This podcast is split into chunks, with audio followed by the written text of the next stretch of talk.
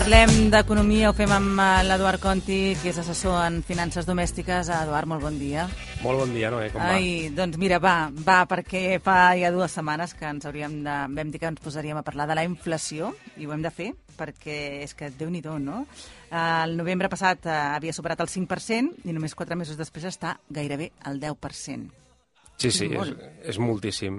Ara, ara estem, segons l'indicador avançat del mes de març, que sabrem la dada definitiva la sabrem la setmana que ve, però estem al 9,8%, quasi al 10%. És la inflació més alta des de maig del 1985, que nosaltres no havíem nascut encara. Sí, sí. No? Bueno. jo no, jo no. És una broma. No, sí. Evidentment. Però vaja, que és un fet realment extraordinari, perquè no s'havia donat fa, fa gairebé 40 anys. És que és, és, que és molt... Estem en una situació Pensa que fa un any la inflació era de l'1,3% i ara estem quasi al 10%. O sigui, hem passat moltes coses eh, amb, amb aquest temps. Aleshores, sí que és un fet, és un fet molt rellevant. Al final, la inflació, què, què, què és el que... L'efecte de la inflació és que redueix el poder adquisitiu de les persones perquè els diners que tenim perden valor. No? Mm. Si en un any hi ha una inflació del 10%, doncs realment, si tens un pressupost, per exemple, imaginem una família que té un pressupost de 1.500 euros mensuals per viure, i cada mes se'ls gasta doncs, en pagar el lloguer, la llum, l'aigua, el gas, el mòbil... Necessitats bàsiques, a més a més, la majoria. Menjar, tot, uh -huh. tot són necessitats bàsiques, no? Principalment. Doncs quan hi ha inflació, quasi tot això puja de preu i, per tant, amb els 1.500 euros que, que tenien, no poden cobrir les seves despeses. No s'arriba. No s'arriba. Llavors, a més a més, hem de mirar que, segons la nota que, que ha publicat l'Institut Nacional d'Estadística, les majors pujades de preu en el darrer any han estat en electricitat, carburants i combustibles, aliments... O sigui, estem parlant realment de productes bàsics i això vol dir que tota la població, tot el conjunt de la població està afectat. Ara bé, com sempre, eh? qui més està patint i qui més patirà les conseqüències seran les persones més vulnerables. Segur, segur.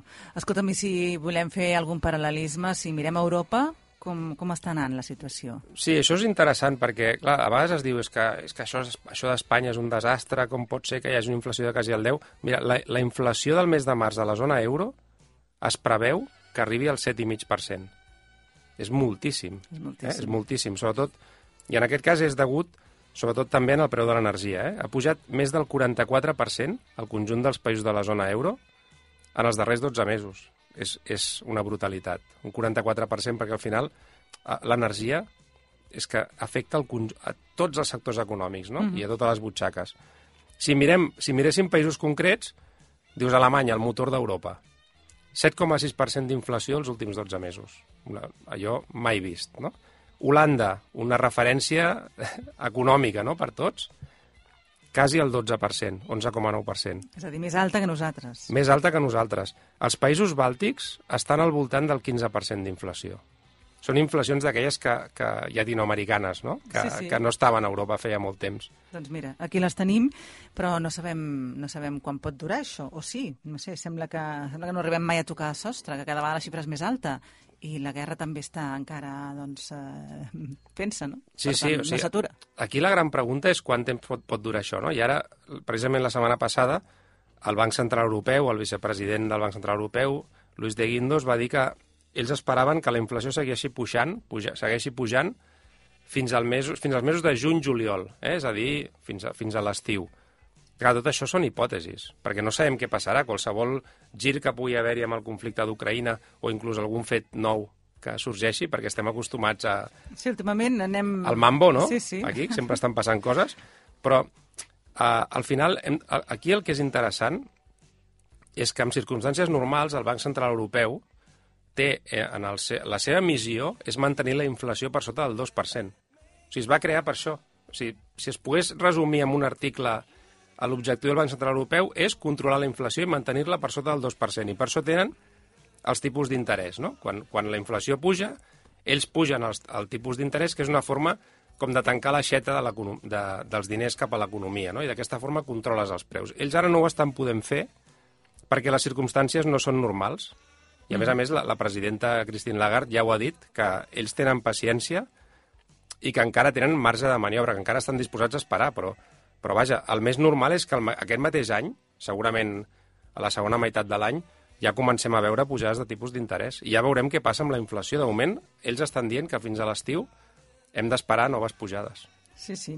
Uh, per tant, no sé si podríem fer una valoració de quines conseqüències uh, té tot plegat per les llars, perquè al final, com deies tu, les famílies més vulnerables són les que estaran més afectades.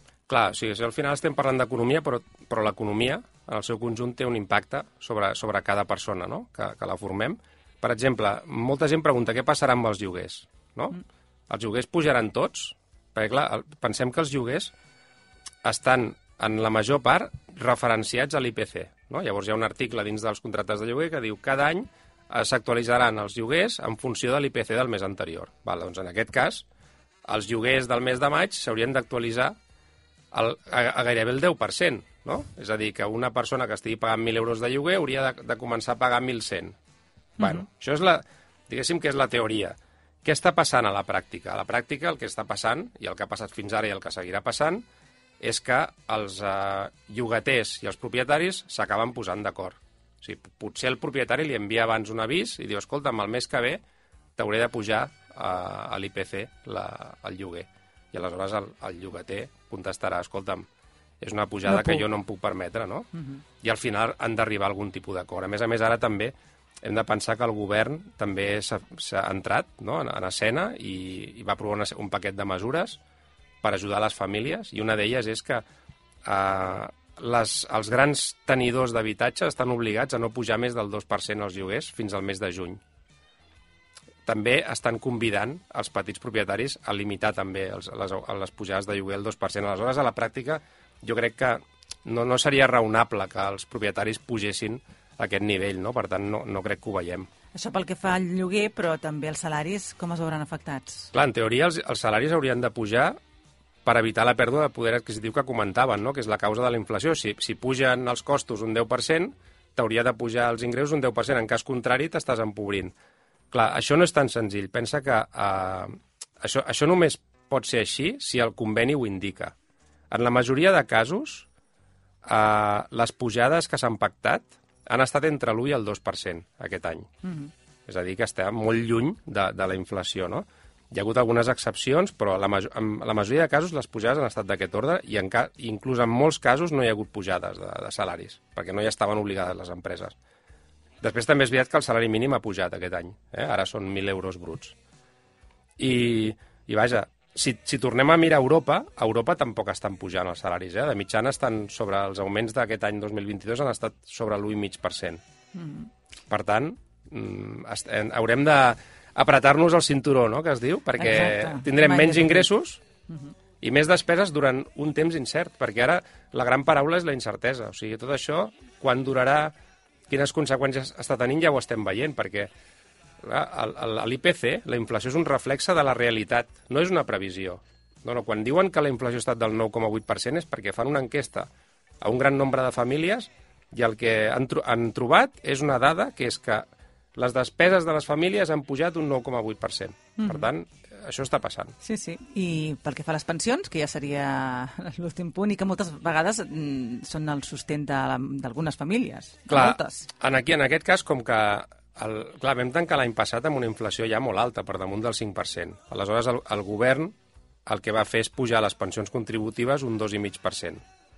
Un 3% les no contributives i també va pujar un 2% els salaris dels funcionaris. És a dir, que ja van fer unes pujades molt per damunt del que era habitual als últims anys. El que passa és que ara estem veient que són pujades insuficients. Ara ja tothom està protestant i està demanant, escolta'm, que amb el dos i mig no anem enlloc, que m'està pujant la, les despeses un 10%.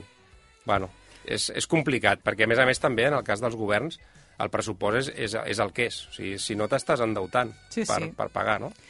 És evident que venen temps difícils i, com ja portem dies dient, ens hem d'apretar el cinturó i intentar que l'economia, la domèstica com a mínim, arribi, arribi a bon port i de, de la millor manera possible.